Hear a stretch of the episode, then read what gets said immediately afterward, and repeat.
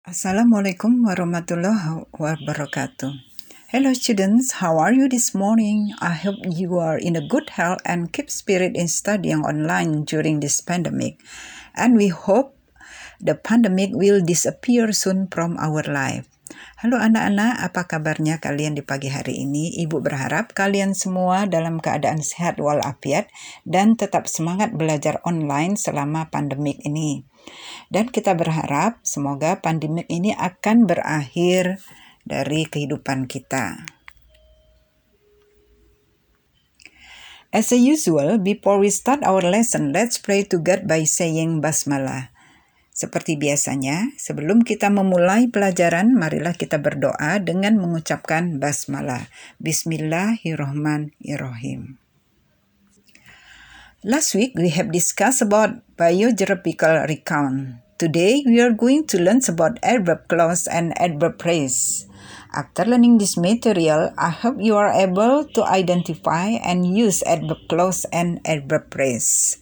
Nah, minggu lalu kita sudah mendiskusikan tentang biografi recount atau teks biografi recount. Nah, hari ini kita akan mempelajari tentang adverb clause dan adverb phrase. Nah, setelah mempelajari materi ini, eh, Ibu berharap kalian bisa mengenali dan menggunakan adverb clause dan adverb phrase. Okay, now, what is the definition of adverb clause? Apa pengertian dari adverb clause itu? Adverb clause ini adalah uh, di, disebut dengan dependent clause yang berfungsi sebagai adverb kata keterangan dan memberikan informasi tentang kata kerja atau verb, eh, kata sifat atau adjektif dan kata keterangan itu sendiri atau adverb yang berada pada independent clause dengan kapasitasnya menjawab pertanyaan seperti how, bagaimana, when, kapan, where, di mana, dan why, mengapa. Ini catatan ya. Nah, tadi dikatakan adverb clause itu adalah dependent clause. Apa itu dependent clause? Dependent clause itu adalah kalimat yang bergantung pada kalimat lain. Jadi dia tidak bisa berdiri sendiri, harus diikuti dengan kalimat lain. Ini contohnya, because he was sick. Ya, karena dia sakit Nah, kemudian independent clause, apa itu? Independent clause adalah kalimat yang tidak bergantung pada kalimat lain. Jadi dia bisa berdiri sendiri tanpa diikuti kalimat lain. Ini contohnya, he didn't go to school.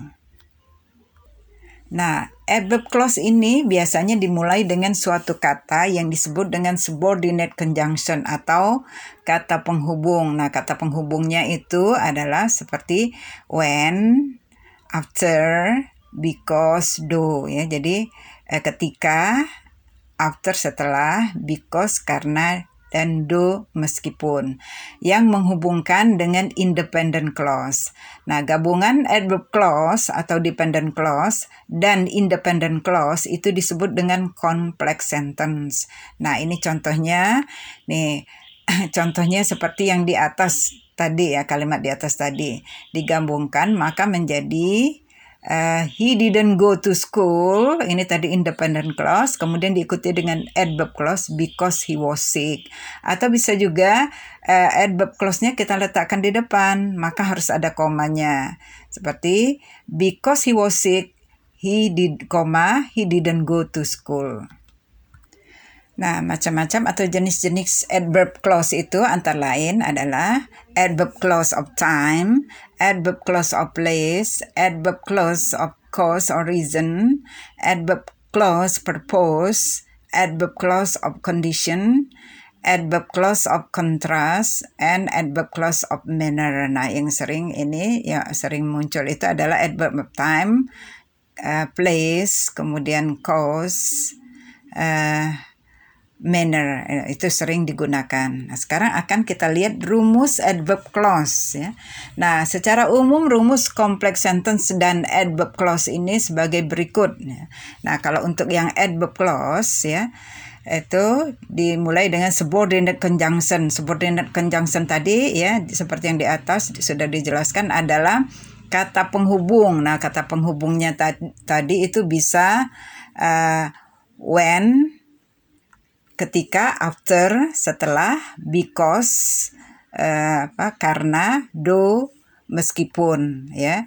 Jadi itu uh, subordinate conjunction kemudian plus subject plus verb dan plus objek. Nah, ini contohnya uh, because he was sick. Nah, karena dia sakit. Nah, ini disebut dengan adverb clause atau dependent clause. Tadi apa? Uh, dependent clause adalah kalimat yang uh, tidak bisa berdiri sendiri dia ya. Dia bergantung pada kalimat lain. Jadi kalau misalnya because he was sick karena dia sakit. Nah kenapa Nah, harus ada diikuti dengan uh, kalimat lain. Nah, kalimat lainnya itu adalah yang disebut dengan independent clause ya. Kalimat yang tidak memerlukan uh, kalimat lain atau uh, tidak tergantung pada kalimat lain. Nah, jadi kalau kita gabungkan ya adverb clause ya dengan independent clause maka nanti akan menjadi complex sentence ya. Nah, complex sentence itu ini rumusnya. Jadi independent clause ya uh, yang terdiri dari subjek, verb dan objek plus adverb clause nih. Nanti kita ambil contoh yang di atas tadi ya. Contohnya adalah he didn't go to school because he was sick. Jadi he didn't go to school ini adalah independent clause ya. Uh, dia kalimatnya berdiri sendiri bisa. Kemudian because he was sick ini adalah dependent clause yang kalimat uh, apa harus bergantung dengan kalimat lain. Jadi kalau diartikan dia tidak bisa pergi sekolah karena dia sakit atau bisa juga karena dia sakit, koma dia tidak per, bisa pergi ke sekolah. Nah, sekarang posisi adverb clause ya.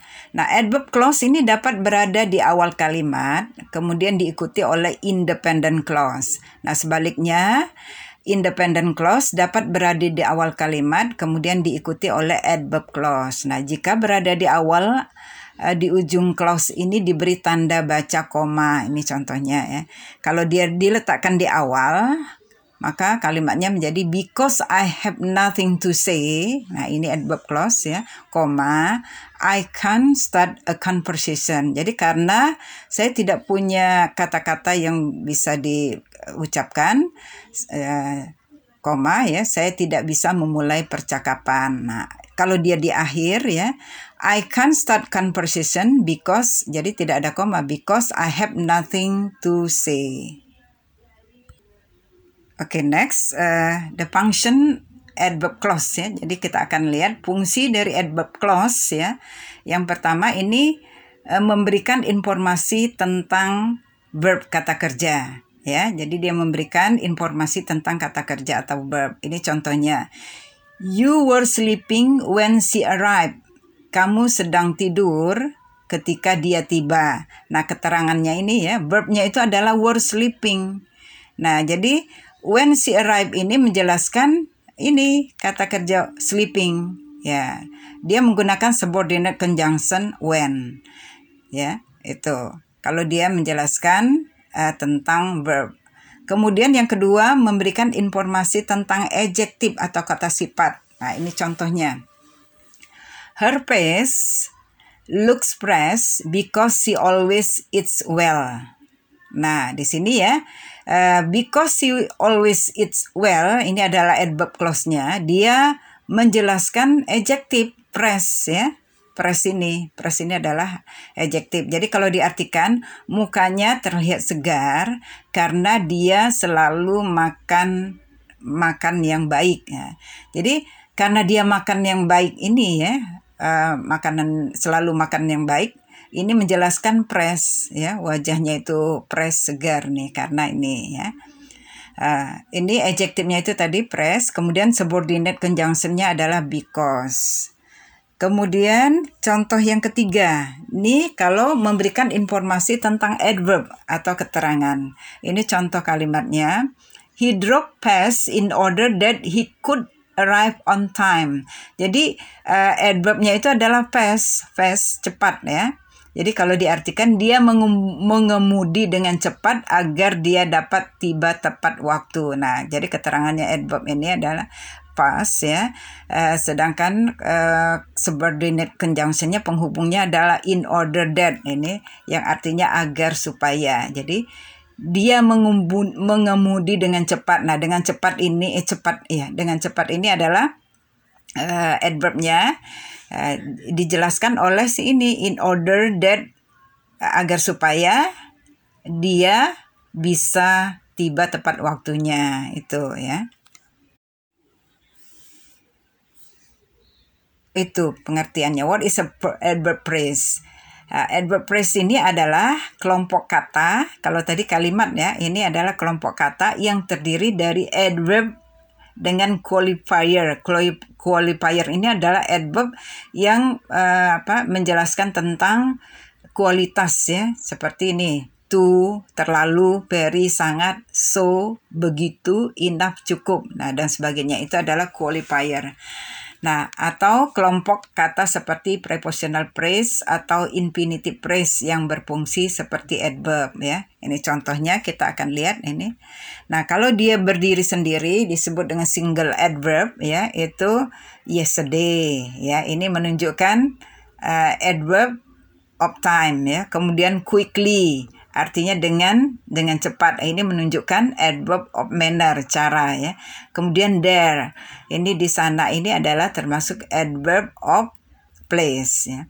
Nah adverb pre, adverb phrase ini ya contohnya kalau dia sudah digabung dengan kata-kata lain maka disebut dengan adverb phrase to go to school. Nah ini sudah beberapa kata yang maksudnya adalah menerangkan uh, school. Berarti apa? Menerangkan tempat ya jadi adverb of a place ya. To go to school atau bisa juga very quickly, sangat cepat. Nah, ini dia termasuk adverb phrase uh, manner ya, yang manner. Kemudian at home di rumah. Nah, ini adalah adverb phrase yang uh, termasuk adverb of time, eh, adverb of place juga ya, at home. Nah, seperti halnya adverb kata keterangan, adverb phrase juga dapat menerangkan verb ya, adjective ataupun juga adverb ya. Ini sama dengan tadi adverb adverb clause ya. Jadi dia bisa juga menerangkan itu ya. Nah, sekarang kita lihat contohnya. Nah, adverb kalau dia menerangkan qualifier ya. Tadi qualifier ya. Uh, apa saja to very, enough, dan extremely. Ini contoh adverb phrase uh, di dalam suatu kalimat ya. Every waiter should clean tables quickly. Enough, eh, quickly enough ya. Nah, di sini enough ini adalah adverb ya. Jadi setiap pelayan harus membersihkan meja-meja dengan cukup cepat. Nah, eh, cukup cepat ini cukup ini menerangkan quickly ini apa yang cukup cepat quickly. Nah, jadi dia menerangkan adverb. Kemudian kalau time waktu ya. Ini since yesterday, during storm, before noon ya. Nih, kalau dia dalam kalimat contohnya they couldn't do anything during the storm ya. Jadi dia tidak bisa melakukan apa-apa during the storm. Nah, jadi during during the storm ini adalah yang dimaksud dengan adverb adverb phrase uh, menerangkan waktu time ya. Kemudian uh, manner ya adverb of phrase da, uh, menerangkan manner cara ya. Ini, ini contohnya with his debit card by bus ya dengan uh, kartu kreditnya debit ya kartu kartu debitnya atau dengan bis ya. ini contoh kalimatnya. The customer always pays the bill with his debit card. Nah pelanggan tersebut selalu membayar tagihan dengan kartu debitnya. Jadi uh, dengan kartu debitnya ini menerangkan apa? Menerangkan pay ya caranya. Cara dia membayar ya membayar bill. Kemudian frekuensi. Ini fre frekuensi ini menunjukkan keseringan. Nah, apa saja uh, adverbnya yaitu every ya, setiap always selalu, never uh, tidak pernah, often sering, daily hari-hari, sehari-hari dan sebagainya ya. Ini kalau kita lihat dalam kalimat ya, all people may need to see a doctor every year. Jadi kalau diartikan orang-orang tua mungkin perlu mengunjungi dokter setiap tahun. Nah, setiap tahun ini adalah adverb of frequency. Kemudian purpose ya tujuan. Ini contoh kalimatnya. He bought this tiramisu cake for you. Nah, jadi uh, dia membeli kue tiramisu ini untukmu. Jadi dia uh, menerangkan tujuannya. Tujuannya dia membeli ini adalah for you untukmu. Oke, okay, next reducing adverb clause to adverb phrase. Nah, di sini ya, adverb clause itu bisa kita rubah menjadi adverb phrase. Nah, tentu saja ada persyaratannya atau peraturannya rules ya. Nah, the rules for changing the adverb clause to adverb phrase ya. Nah, itu yang pertama. Jadi peraturan untuk merubah adverb clause menjadi adverb phrase itu ada ya, ada peraturannya. Yang pertama, the subject of both the adverb clause and main clause must be the same. Jadi subjek kedua clause itu baik adverb clause dan main clause ini haruslah sama. Nah, peraturan yang kedua, omit the subject of adverb phrase and change the verb to verb ing. Jadi dia menghilangkan omit ya, subjek ya dari adverb phrase dan merubahnya menjadi verb ing. Ya, kata kerja ing. Oke. Okay. Selanjutnya kita lihat contoh reducing adverb clause to adverb phrase ya. Contoh yang pertama merubah uh, adverb clause menjadi adverb phrase. Yang pertama, I recognize that he was my ex while I was looking at him. Nah, di sini adverb clause-nya adalah while I was looking at him akan kita reduce ya menjadi nah I recognize that he was my ex while looking at him. Jadi I was-nya itu dihilangkan ya, uh, diomit ya, maka menjadi while looking at him saja. Atau bisa juga dengan cara kedua, yaitu I recognize that he was my ex looking at him. Jadi uh, subordinate conjunctionnya dihilangkan while ya, jadi looking at him. Nih contoh yang kedua. Uh, after I had finished my homework, I went shopping. Nah, ini kita menggunakan di sini kalimatnya ini menggunakan I had finished adalah pas pas perfect ya. Nah, kalau ada kata ada kalimat yang menggunakan had, have, has ya, maka dia akan uh, kita rubah ke bentuk pertama jadi have ya, have ya, kemudian plus ing. Jadi perubahannya menjadi after having finished my homework, I went shopping. Atau bisa juga subordinate conjunctionnya dihilangkan after ya menjadi having finished my homework I went shopping. Jadi kalau diartikan setelah saya sudah menyelesaikan PR saya pergi belanja. Nah, jadi bisa pakai after having finished my homework atau bisa juga having finished my homework. Nah, contoh yang ketiga, ya. Since Lois got a new job, he has worked very hard. Nah, di sini dalam adverb clause-nya dia menggunakan uh, got, ya kata kerja got ini adalah kata kerja kedua. Nah, untuk merubahnya menjadi phrase, maka got ini kata kerjanya kita jadikan verb one dulu menjadi get ya baru ditambah ing. Jadi uh, kalimatnya menjadi since getting a new job, Lois has worked very hard. Atau bisa juga uh, cara kedua, since-nya kita hilangkan menjadi getting a new job, Lois has worked very hard. Ini kalau diartikan, sin di sini bukan sejak tapi karena ya. Karena Lois mendapatkan pekerjaan baru, dia telah bekerja uh, bekerja dengan sangat keras ya. Nah, kemudian yang keempat contohnya. Before she was able to solve that complicated case, she had been known as an incompetent detective ya. Nah, jadi di sini dia menggunakan to be ya. Nah, to be was. Nah, apabila ada kata ada to be baik was, were ataupun is, am atau are, maka ini perubahannya uh, to be-nya itu kita ambil be kemudian ditambah ing ya jadi being jadi bukan washing atau aiming atau apa ya jadi uh, be-nya diambil kemudian ditambah ing being. Jadi kalimat di atas tadi uh, before she was able to solve menjadi before uh, being able to solve that complicated case, she had been known as an incompetent detective. Atau bisa juga before-nya dihilangkan menjadi being able to solve that complicated case, she had been known as an incompetent detective. Kemudian contoh yang kelima. Nah, ini masih menggunakan to be ya. Is ya. Because he is a doctor, he knows how to fix broken bone. Jadi uh, ini to be-nya kita ambil be ya ditambah ing plus ing. Jadi because being ya, jadi bukan ising ya. Because being a doctor, he knows how to fix broken bone. Atau bisa juga cara kedua being a doctor, he knows how to fix broken bone. Jadi karena dia seorang dokter, dia mengetahui bagaimana me mengobati atau uh, ya memperbaiki tulang yang patah.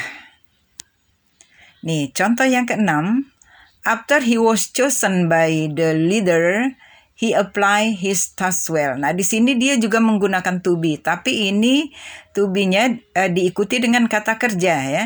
Uh, kata kerja ketiga. Jadi ini termasuk kalimat pasif ya. Setelah dia dipilih ya menjadi ketua, dia mengerjakan tugasnya dengan baik ya. Nah, kalau seperti ini maka uh, kata kerjanya masih ikut ya chosen ya. Jadi after being chosen by the leader, he applied his task well. Atau bisa juga afternya dihilangkan jadi chosen ya. Kita ambil kata kerjanya saja chosen by the leader karena dipilih eh, setelah ya setelah dipilih menjadi ketua dia mengerjakan tugas dengan baik.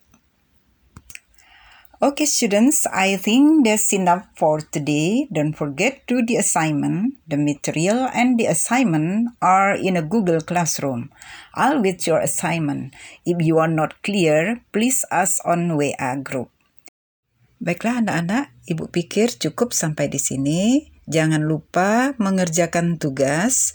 Nah, materi dan tugas ada di Google Classroom. Ibu akan tunggu tugas kalian dan jika kalian belum jelas atau uh, mempunyai uh, pertanyaan, silahkan bertanya di grup WA. Oke, okay, thank you for your attention. Keep trying and keep motivating. Assalamualaikum warahmatullahi wabarakatuh. Keep trying and keep motivating. Assalamualaikum warahmatullahi wabarakatuh.